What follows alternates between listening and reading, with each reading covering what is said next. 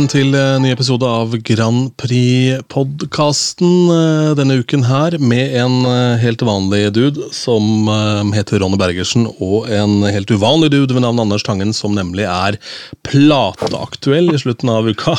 Grattis! Ja, ikke bare plateaktuell, jeg er platedirektør også. Og, og, og videoprodusent og regissør. Og jeg gjør alt sjøl, Ronny. Det er, liksom ikke, det er det som er målet. Jeg gjør absolutt alt sjøl. Så får vi se hvor langt det flyr. Det ja, det får vi virkelig se. Sangen heter 'To øyne' ute da ved midnatt eh, fredag, så det er bare å, å glede seg til eh, det. Vi har også vært innom det i podkasten, vi har ikke snakka voldsomt mye om låta di. Så eh, for de som hører dette på tirsdag da episoden kommer ut og er usikre på hva som skjer senere i uka, kanskje ikke kjenner deg i det hele tatt, og kommet inn i poden via meg, hva for noen planer har du for å markere utgivelsen? Det blir en livestream på torsdag kveld, eh, altså den 9. Eh, klokka 20. Eh, fått med meg en del hyggelige folk, faktisk, som kommer, og, kommer med litt hilsener.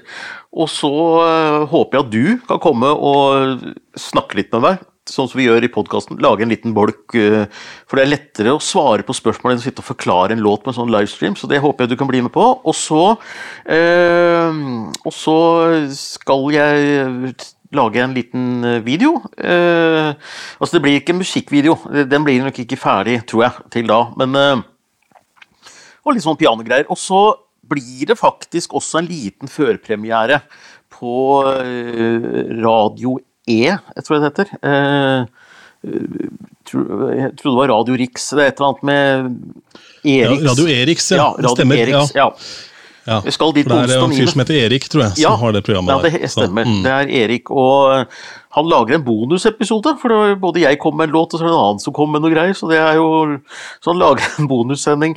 Så, så det blir en liten førpremiere på den onsdagen også, da. Men, men jeg er ikke så jålete at jeg sier nei til å komme på radioen, som har en sånn kanskje 15 000 lyttere, fordi jeg skal ha livestream med 28 seere på uh, torsdag. Det gjør jeg ikke. Så det blir en liten juksepremiere på uh, Men det kommer stoff også på den livestreamen som ikke har kommet ellers. Mm. Og så har jeg bedt om, i forbindelse med videoen, da, det er veldig gøy eh, jeg, jeg, skal jo lage en liten video, og jeg har bedt folk sende inn bilder av øynene sine. Og jeg trodde egentlig ikke at det skulle funke, men jeg har altså fått så mange bilder av øynene. Så hvis noen har eh, lyst til å sende bilder av øynene sine, så gjør det.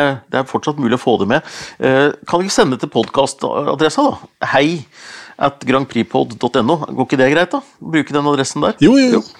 For all del. Eh, og da vil man ha bilder. Vil jeg altså ha egentlig Batman-maska? Eh, bare, Bare med øynene. Kun øynene, ja. Ikke sant? Og, og mm. Det kan være barneøyne, det kan være hundeøyne, men det må jo være folk som Enten at det er dine øyne, at du er med på det, eller at de du kjenner, eh, er villige til å å legge ut øya sine, da, for å si det sånn. Det vil nok ikke bli så veldig gjenkjennelig, men dette, det blir gøy. Jeg har fått inn ganske mange øyne. Det er kult. Hva er tanken her, da, hvis jeg kan spørre om det? Ja, ja. Hva er det som foregår oppi skallen din? Eh? Nei, altså eh, Låta handler jo om kontakt mellom mennesker. Eh, og eh, at eh, øyekontakt er liksom noe helt spesielt. Og selv om det er folk du ikke liker, så er det allikevel det som utvikler deg som menneske, da. Og, det er en slags relasjon.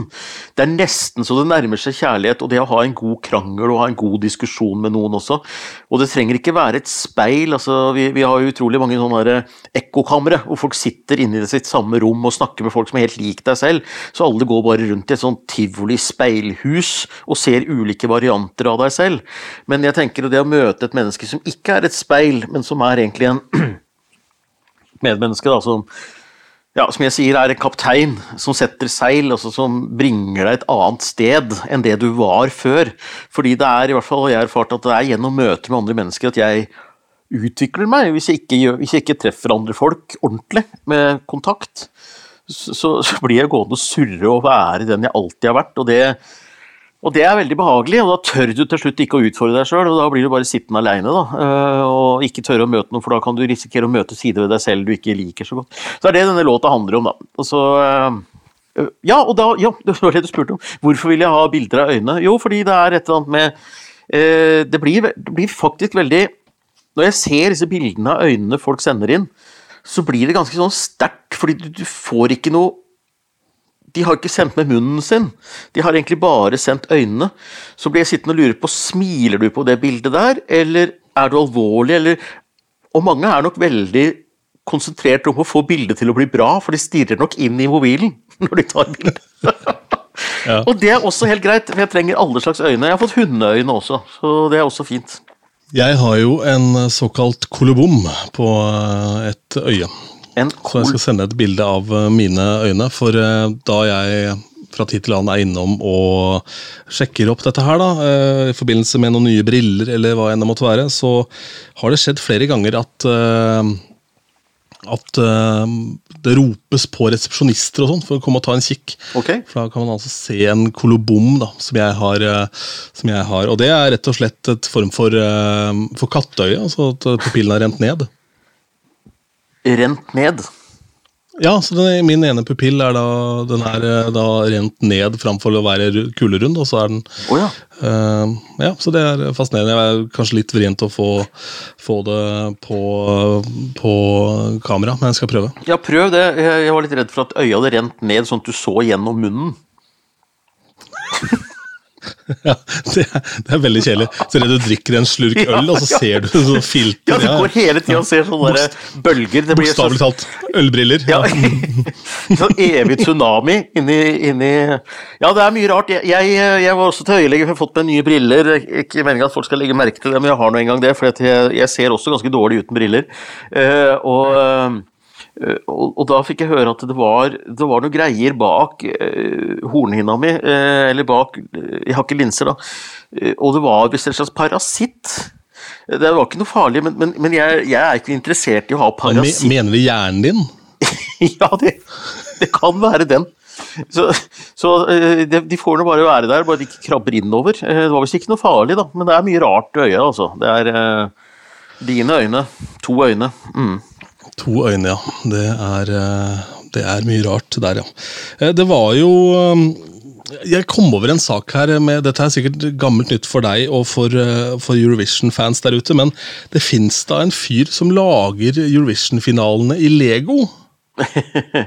ja, eh, ja, det finnes. Eh, og det finnes en fyr som lager eh, alle artistene, ja. Ikke sant? Ja, ja det, det, er sikkert det samme du tenker på. Det er helt riktig, og det er eh, alltid stas når det kommer med Hvordan har han tolket Norges bidrag i år? Eh, jeg syns at Tix var et høydepunkt. Den, den, den, gjorde seg godt i Lego, med disse svære vingene og uh, Noen numre er litt mer Lego-vennlige enn andre. Subwoolfer også, selvfølgelig. Litt vanskeligere med Carl Espen, kanskje, men uh, Ja, Loreen må jo være helt strålende med det vaffeljernet, da. Eller den toast-greiene der. ja, ja. ja, Det må være helt nydelig. Det er jo laget for Lego, det. Kanskje okay. er det de har hatt i mente? Ja, og Kerja tror jeg er Lego.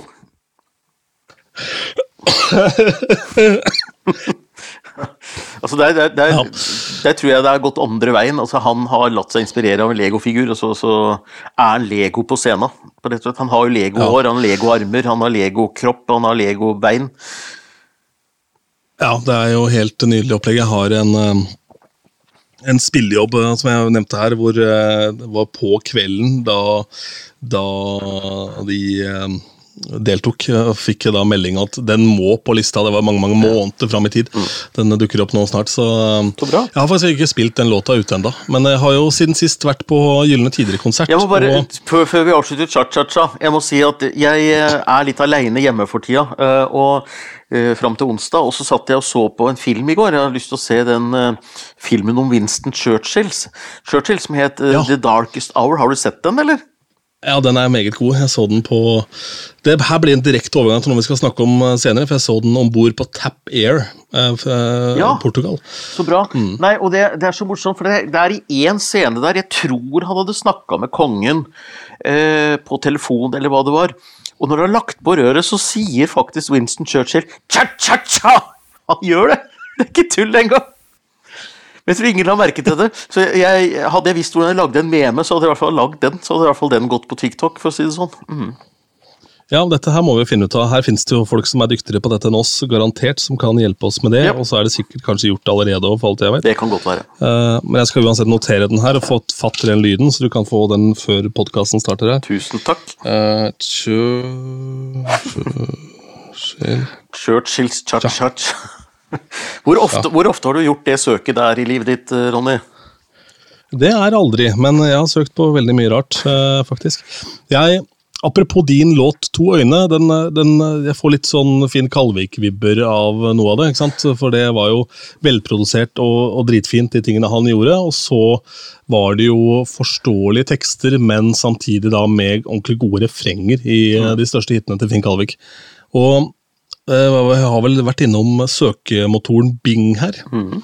Som jeg ikke kan forstå at uh, står for annet enn 'but it's not Google', for den er altså så jævlig ubrukelig, den søkemotoren. Nei, kanskje det. Eh, og jeg sto, og så hadde jeg Aldri i livet, og så huska jeg ikke om Aldri i livet var med da i reklame for Jarlsberg, eller om det var Norvegia. Okay, det... En jenta som reiste hjemmefra ikke sant, og kommer aldri tilbake igjen. og Så så hun da gjennom vinduet at det var noen som tok en skive med, med Norvegia. da, var det jo åpenbart. Eh, det fant jeg ut etter hvert.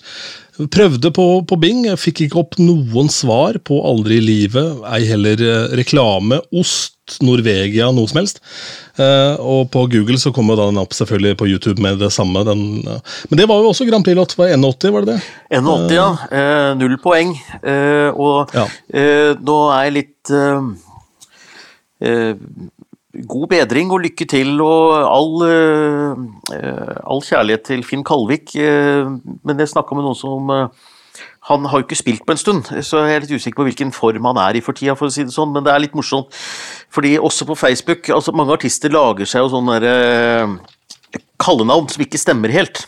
Ikke sant? Altså de, de ja. lager seg sånne omskrivninger for å slippe alt PC. Så jeg skal ikke røpe Finn Kalviks uh, kallenavn på Facebook, men han har nå en Facebook-side som er hans private. da. Og det jeg har sett nå de siste, siste åra, så han profilert seg veldig med både profilbildet Det er bildet fra uh, det deltakerkortet til Eurovision. Og hele profilbildet er også Eurovision 1981. Så det er tydelig at Finn Kalvik på en måte i sin, eh, skal vi si så vidt jeg kan skjønne, da, litt sånn tilbaketrukne, hvor han ser litt tilbake på livet sitt og sånt noe, har et behov for å hedre akkurat den Eurovision-delen av karrieren sin, og det syns jeg er veldig hyggelig, for jeg syns at Aldri i livet er en uh, undervurdert låt, uh, men den ble ødelagt av orkesteret, mener jeg da. Hadde nok ikke vunnet med et annet orkester heller, men altså den bassisten der uh, som spiller, som spiller aldri i livet med den basslyden. Jeg vet ikke hvorfor den er produsert sånn, men den er så rar. Det er jo ikke basslyd, det er en slags spinkel, nesten gitarlyd som gjør låta veldig, veldig rar. Og ehm, Nei, den flyter ikke. Eh, og, men det morsomme var jo at på den tida der så var det jo Europatoppen. Som var et populært program som eh, jeg skulle ønske norsk radio hadde tatt initiativ til å få på plass igjen, for det var veldig gøy. Hvor man hadde litt sånn mini-Eurovision hver eneste uke. Eh, Europatoppen. Hvert, hver, eh, hvert, land sendte inn sin ukes låt til Eller var det måned? I hvert fall var det med jevne mellomrom. da. Og så hadde man Europatoppen. Så stemte folk fra Europa på den låta de likte best, fra det som var populære i hjemlandet.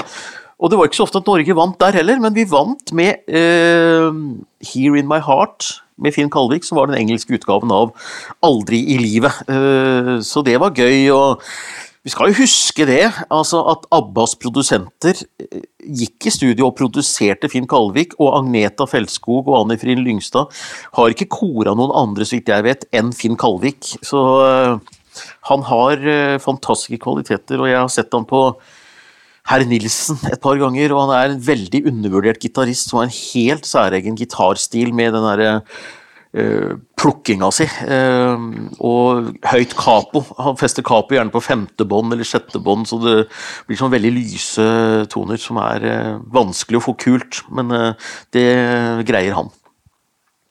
Han spilte jo inn Det var vel natt og dag, da, den fra 81, den var vel spilt inn i Polar Studio, den, Stemmer det. Jeg husker, det var og, og, plata før der kom, kom fram, ja. Mm. For og, disse gutta i ABBA er vel store viseentusiaster, tror jeg? Ja, sånn, ja da, har, Benny Andersson har gitt ut en del folkemusikk, og Stikkan Andersson, som var ABBAs uh, manager de åra, de der, han var jo også uh, veldig fan av Finn Kalvik, og han mente at Finn Kalvik ikke burde være med med Aldri i livet. Så han gikk jo bare rundt og rista på hudet. Hva var, det jeg, var det jeg sa til deg? Hva var det jeg sa til deg? For han ville at han skulle stilt opp med en låt som heter Velkommen farvel, som er mye mer sånn ABBA i veldig uptempo-låt. Eh, det var den Stikkan Andersson hadde anbefalt. Det hadde nok kanskje gått bedre, men jeg vet ikke hvordan Finn Kalvik er på scenen med en uptempo-låt. Eh, det jeg greier ikke helt å se det for meg. Har, har noen noen gang sett det, tro? Nei, det er det. ikke sant? Det det. Han har rukket å bli en voksen mann om Finn Kalvik. Nå skulle ikke den podkasten egentlig handle om han, men han har blitt 76 år gammel nå, Finn Kalvik. Og får håpe det går bra, selv om han gjør mindre konserter og sånn eh, om, om dagen. da. Vi eh, jeg var jo på Gylne tider, apropos eh, pop og Sverige, eh, og i Mariebergskogen eh, i Karlstad. Og så de der. Det var meget god stemning. Hux Flux, som deres nye plate heter. Når kom og den? I Sverige. Den kom tidligere i år, ja. så det var vel da kanskje juni eller sånn. Ja. Juni, Tidlig juli. Nei, tenker juni. Slutten av mai, tidlig juni. Um, låter akkurat sånn Gylne tider skal-låte var jo en fin konsert, men det er et eller annet med det at du må inn på et sånt eget område for å ikke drikke folkøl. Så for å få øl da som er over 3,5% så må du da inn på en sånn avhegnet område. Um, og der er det en kø inn, så da skjer det et eller annet sånn instinktivt i hodet på meg og mine venner. Idet vi kommer igjennom hele den køen, da føler man at man har vunnet. Og da må man gå og hente premien sin i baren. Så vi drakk nok litt for tett, litt for fort. Der det var ikke nødvendig. Um, og man går også glipp av en del av konsertopplevelsen da man på en måte blir distansert litt fra selve den store folkemassen da, nede ved scenen. Mm. Så um, det, uh, men det var jo meget bra. Og det er jo, det er jo et og annet refreng som sitter der fra Gylne tider, for å si det mildt. De har jo noen låter. De, de, de hadde en fantastisk evne til å kjøre på ganske rett på refreng, og, og holde seg til det refrenget. Og, ehm, og, så var det på en måte cheesy og enkelt, men det var allikevel litt sånn passe rocka. Det var vel nesten, vil jeg si, en slags forløper til rølpemusikken, til det vi hører i dag fra uh, Baldinciaga, som er en moderne variant, da, tenker jeg. Men det er litt i samme samme bane, altså hvor du kjører en beat og du kjører en uh, De gjentok, og var ganske tidlig ute med det. Mm. Men på en annen side også da med en tekst med mening, da ofte. Det er ja. vel, er 'Sommertider, hei hei' er vel den eh, dårligste teksten de har. Eh, og Som Gessle sa i et intervju, hadde jeg visst at den skulle bli så populær, så hadde jeg kanskje lagt litt mer energi i akkurat den. Jeg, Men, jeg, jeg har forresten sunget uh, 'Gylne tider' for et ganske betydelig publikum i Norge. Uh, fordi Why? I 2005 så var jeg uh, altså en type programleder for uh, Se og Hørs sommerturné. Hallo? Skal vi se, nå mistet vi tangen.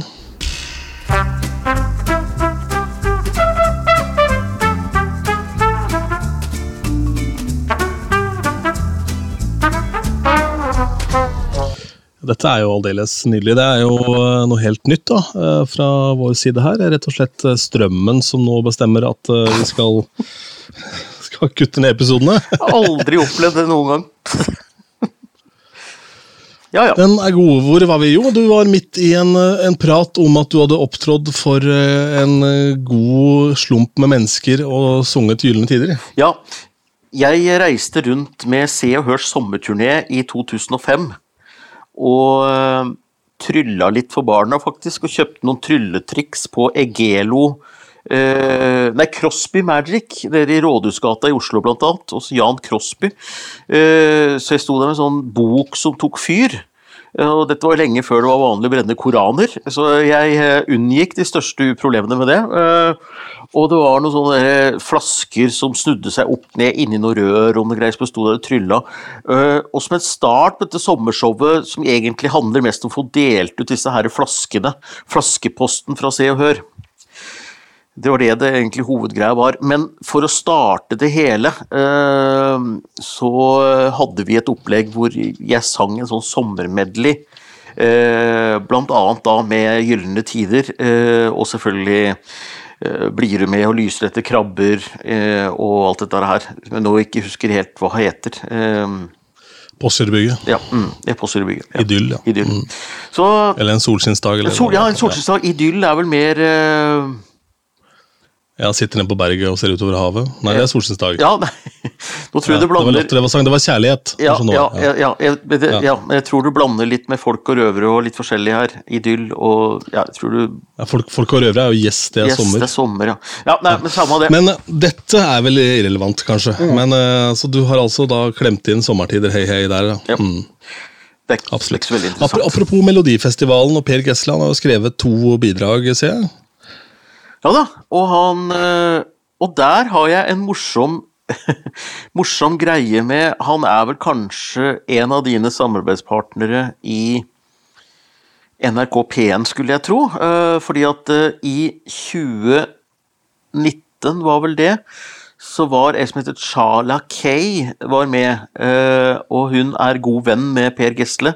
Hvis de ikke har hatt et forhold en gang i tida. Det tror jeg kanskje, men det skal ikke jeg Jeg er bare frågan. Men i hvert fall så var, I hvert fall så var hun med i Var hun med i, i Rett, rett fra Se og Hør og flaskeposter og bare Ja, stell deg bare frågan. Ja, Ja. det har vært, vært litt, litt sengevalts der, altså. Ja, jeg, jeg sier det litt sånn som han uh, Masuk Gharahkhani, han eh, stortingspresidenten vår, som jeg for øvrig digger, syns han er en kul fyr fra Drammen. Han, eh, han, han, han hadde blitt kjørt med sånn sikkerhetsbil pga. sikkerhetshensyn da, inn i gågata i Drammen i dag, som var litt ny gågate. Så han ble kjørt inn der med bil og tok en selfie og skrøt av at det var gågate og greier. Så var, han sa at det så litt rart ut. Så jeg ser, at, eh, jeg ser at dette her ble litt rart. Jeg er også sånn som han gjorde, at jeg går rett fra Se og Hør til eh, litt sånn Ja, stell deg bare frågan. Men i hvert fall eh, så var hun med med en låt som het eh, Stop the Music. Som var egentlig eh, nesten min favoritt det året, eh, på mange måter. Nei, det var 2018, kanskje. Spiller ingen rolle. Men i hvert fall eh, så var Per Gessle og Charla Kay var låtskrivere på den låta der. Og eh, Men det var det at eh, Charla Kay skrev jo melodien, og Per Gessle skrev teksten. Ifølge liksom Ja. de som har oppgitt eh, kreditter her. Og jeg husker eh, den ble, det var den låta som bare ble lista på P1 før noen hadde rukket å si Charla Kay, liksom. Og så ringer jeg alltid rundt eh, musikkprodusenter i forbindelse med Eurovision og skal skrive blogger og sånn, og spørre hvilke låter er det dere har tenkt å liste, og hva syns du om årets startfelt og sånn, og hvorfor har dere lista akkurat denne? Så sier han at eh, nei, men nå har vel han, eh, nå har vel Per Gessle vist at han har en viss heft for melodier. Eh, ja, det er bare det at det er ikke han som har skrevet den. Han har skrevet teksten. Eh, men det ble fortsatt spilt, da. Men den ble vel lista på litt feil grunnlag hvis det var fordi det var han. Men jeg syns det er en veldig fin låt, eh, uavhengig av hvem som har skrevet den. Så den var veldig fin, men hun falt dessverre pladask live, og det er det som skjer ofte. da. Altså, hun ble altfor nervøs, og det funka rett og slett ikke live. Så det hørte og så alle, men dessverre. Eh, Men låta var fin. For jeg ser her på eh, da melodifestivalen fandom.com at eh, Per Gessle har da vært med og skrevet for Dina bruna øgons skull. Ja. I 1980, eh, da var han både komponist og tekstforfatter, og så var han tekstforfatter da i 1986 med låta 'Kjærleiken er evig'. Ja. Med mm, Det var vel hun uh, Hva pokker het hun igjen, da? Eva Rydberg. Nei, uh, Lena Philipsson. Lena Philipson. Ja. Og så gjorde de pauseunderholdningen da i 2001 med Roxette Center of the Heart Ja. eh, i Malmö, Malmö der. Så det var jo Nei, han har et litt sånn uavklart forhold til eh, Melodifestivalen, han har liksom aldri vunnet, og jeg tenker det hadde jo vært uh, utrolig gøy. Uh, så, men han har jo kanskje tonet ned aktiviteten sin litt. Ja, han har vel strengt tatt det, og så er vel eh, Han har vel kanskje ikke, i motsetning til Tangen, en så stor drøm om å da gjøre det bra i, eh, i Grand Prix da, og Eurovision-sammenheng. Det er ikke så nøye når du har reist verden rundt. Nei. Og London. Nei, uh, men det har jeg òg. Ja, det var noe med det. Skal vi se. Jeg hadde jo litt andre ting på lista her, for uh, vi kan ta Apropos London, da. BBC avslutter samarbeidet med Tap Music. Ja. Og det er vel kanskje litt på sin plass også, for de har muligens utspilt sin rolle litt. Eh, var det lucky shot da med han Sam Ryder? For det gikk jo voldsomt på ræva. Vi har jo allerede etablert i poden her at det var pga. at de hadde feil bil uh, i uh, musikkvideoen. Da må du tenke år, ja. på når det kommer til to øyne, to øyne i videoen, forresten. Nei, men det, ja, For hun May Muller var jo nest sist, eller sånn. Ja, langt ned jeg husker ikke nøyaktig, men eh, det ble fiasko. Det kan i hvert fall slå fast. Og Nei, men dette her jeg må da liksom eh, sette dette inn i et sånt bilde. Dette blir jo som at Norge skulle samarbeide med f.eks. eller MGP, da, skulle, eller NRK, mener jeg, skulle sette bort dette til f.eks. Eh, eh, Skyscraper Artists, eller eh, sette det bort til ja. Jan Fredrik Karlsens Management, eller noe sånt noe. Og så sier Som nok heter Skyskraperartist, vil jeg tro, ja. Men Skyscraper kan vi godt si. Der kom han der mannen som introduserte Sander Lurk på P4 fram igjen. Der kom han, ja. ja. det er bare skyskrapere, men de har en C inni der, var det ikke det? Uh... Ja, grunnen til at det heter skyskraper, er jo fordi de hadde, hadde i hvert fall lokaler i skyskraperbygget, der hvor både og var det vel, ja. og sånn lå, det, som ble malt med skyer utenpå. Ja. Så det er skyskraperartist, ja, men det kan godt være skyscraper for en kveld. altså Jeg tror det er greit. Nei da, i hvert fall så eh, det blir som at du skulle knytte deg til et sånt selskap, og at de får ansvaret for å finne låt og artist. Noe som egentlig kan ha en del ting for seg, fordi de har jo en annen puls der ute og sånt noe, men, men eh, det blir jo veldig sårbart, da. Eh, og, og når du har bomma én av to ganger, så er det vel ikke gitt at det var suksessfaktoren. Da var det mer Sam Ryder som var suksessen, og ikke Tap Music, skulle jeg tro. Så jeg tror at uh, jeg tror dette kan bli bra, for jeg tror at det som kan komme ut av det, er at Storbritannia har fått ny energi inn i Eurovision-opplegget sitt, uansett med Sam Ryder. Uh, og så frigjør de seg fra tap music, og det tror jeg kan være ålreit, for da har de energien, og de vet litt hva som funka kanskje med Sam Ryder. Uh, og så kan de spille videre på det, og det som funka med han, var at han var en likeable fyr. Han uh, hadde en låt som ble tatt på alvor, som han sto i. Altså, han du, han eide jo den låta, uh, og det er det jeg tenker på også, Ronny, i forbindelse med lanseringa av låta mi. At jeg driter litt i hva folk tenker om den. Jeg skal stå i det. Jeg syns at den er fin selv. Og det er, det er egentlig mye av clouet, tror jeg. Og Sam Ryder han elska den låta når han sto og sang den. Han, han elska Eurovision, han elska alt sammen, og det skinner gjennom, tenker jeg. Så hvis de kan spinne videre på det, at de legger bort all ironisk distanse, og får riktig bil på videoen, så tror jeg det blir bra du skal droppe biler i utgangspunktet i teksten. Jeg tror jeg er bare, rett og slett bare ja. overflødig. Altså Dropp eh, referanser til biler og merker og sånn generelt, eh, tenker jeg. Eh, ja. Og så tar vi det bare derfra. Ja. Men sånn avslutningsvis her, da. For du er jo i releaseuke og det hele, så vi kan ikke drive og oppholde deg som platedirektør og artist og gud faen veit hva. Ryktebørsen sier at uh, Melodi Grand Prix-finalen kommer tilbake til hovedstaden. Um, ja. Hvor uh, sikre er disse ryktene? Hva, hva, tenker du om det? Det er veldig usikre, for ryktene kommer fra meg. Så dette, dette, er funnet opp i mitt hode. Uh, nei, men, men jeg i, Når du skal tolke hva Putin sier, så er det noe som kalles kremologi. Og det har også vært når uh, altså uh, disse her uh, Lenin og Stalin og sånt, og hva sier de egentlig, for de snakker i koder. Og det gjør også MGP-sjefen Stig Karlsen litt innimellom, fordi han, han, er god på å si litt, men ikke si for mye. Fordi han, han er god på å holde interessen oppe, sånn at vi stadig skal drive og spekulere og vi skal lure videre, ikke sant. Og han vil ikke gi oss hele godteposen med en gang. Eh, men han har liksom bare Jeg har bare lagt sammen to og to, for han snakket om at han tror det er viktig å variere litt. At eh, man skal ikke låse seg til ett sted, og nå har det vært Trondheim to ganger etter hverandre. Hvor det har vært muligheter for å ha publikum, da. Eh, og NRKs økonomi er jo sånn at det koster ganske mye penger å arrangere en finale i Trondheim. Og jeg tror på en måte at de penga heller brukes på å få en god finale, uten at pengene går med til bare det å flytte det ut. Altså et sted hvor du har infrastrukturen på plass, og da er det Oslo, da. Så det er ikke mer enn det. Men jeg tenker at det kan være fint å få det tilbake til Oslo nå.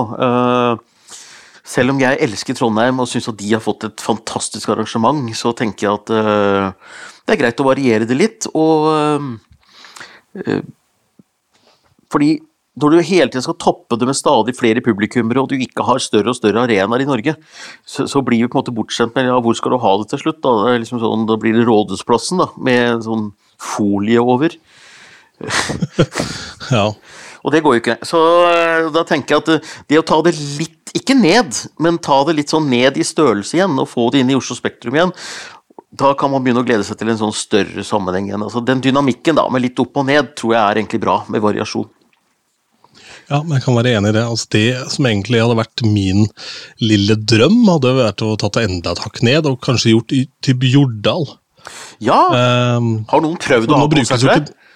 Nei, nei, den brukes jo ikke til, eh, til, det i det hele tatt. Det spilles jo ganske mye hockeykamper og sånn, men det, jeg håpa det da de pussa Bjordal Amfi, at det skulle bli en Kall det ehm, flerbruksarena med plass til kanskje 7500. Da. Eh, for eh, Oslo Spektrum med sine ti og vel så det, er jo da eh, Norge har jo ikke noen arena som er på fire og et halvt, fem, egentlig. ikke sant? Og det er jo ofte der veldig mange band havner. altså eh, I Oslo-gryta så er det jo eh, sånn at man Eller i Norge generelt så går man jo glipp av mange av de aller største mm. konsertene.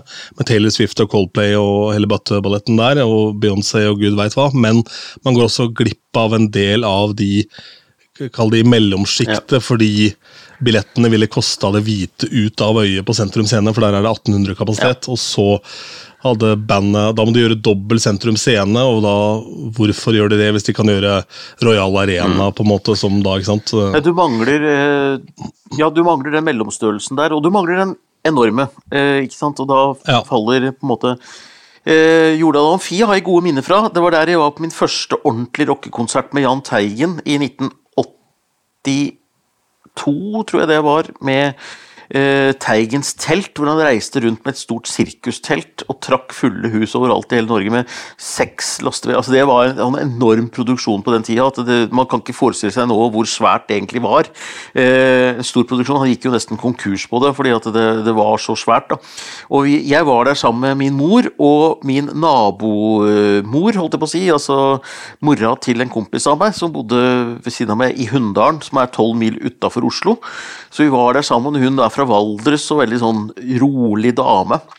Så hun syntes at de spilte litt høyt. Så hun, hun, begynte å reise seg opp fra tribunen og begynte å gå fram. og spurte om de kunne spille litt lavere. Fikk ikke gehør, gitt. Så det ble full rock'n'roll.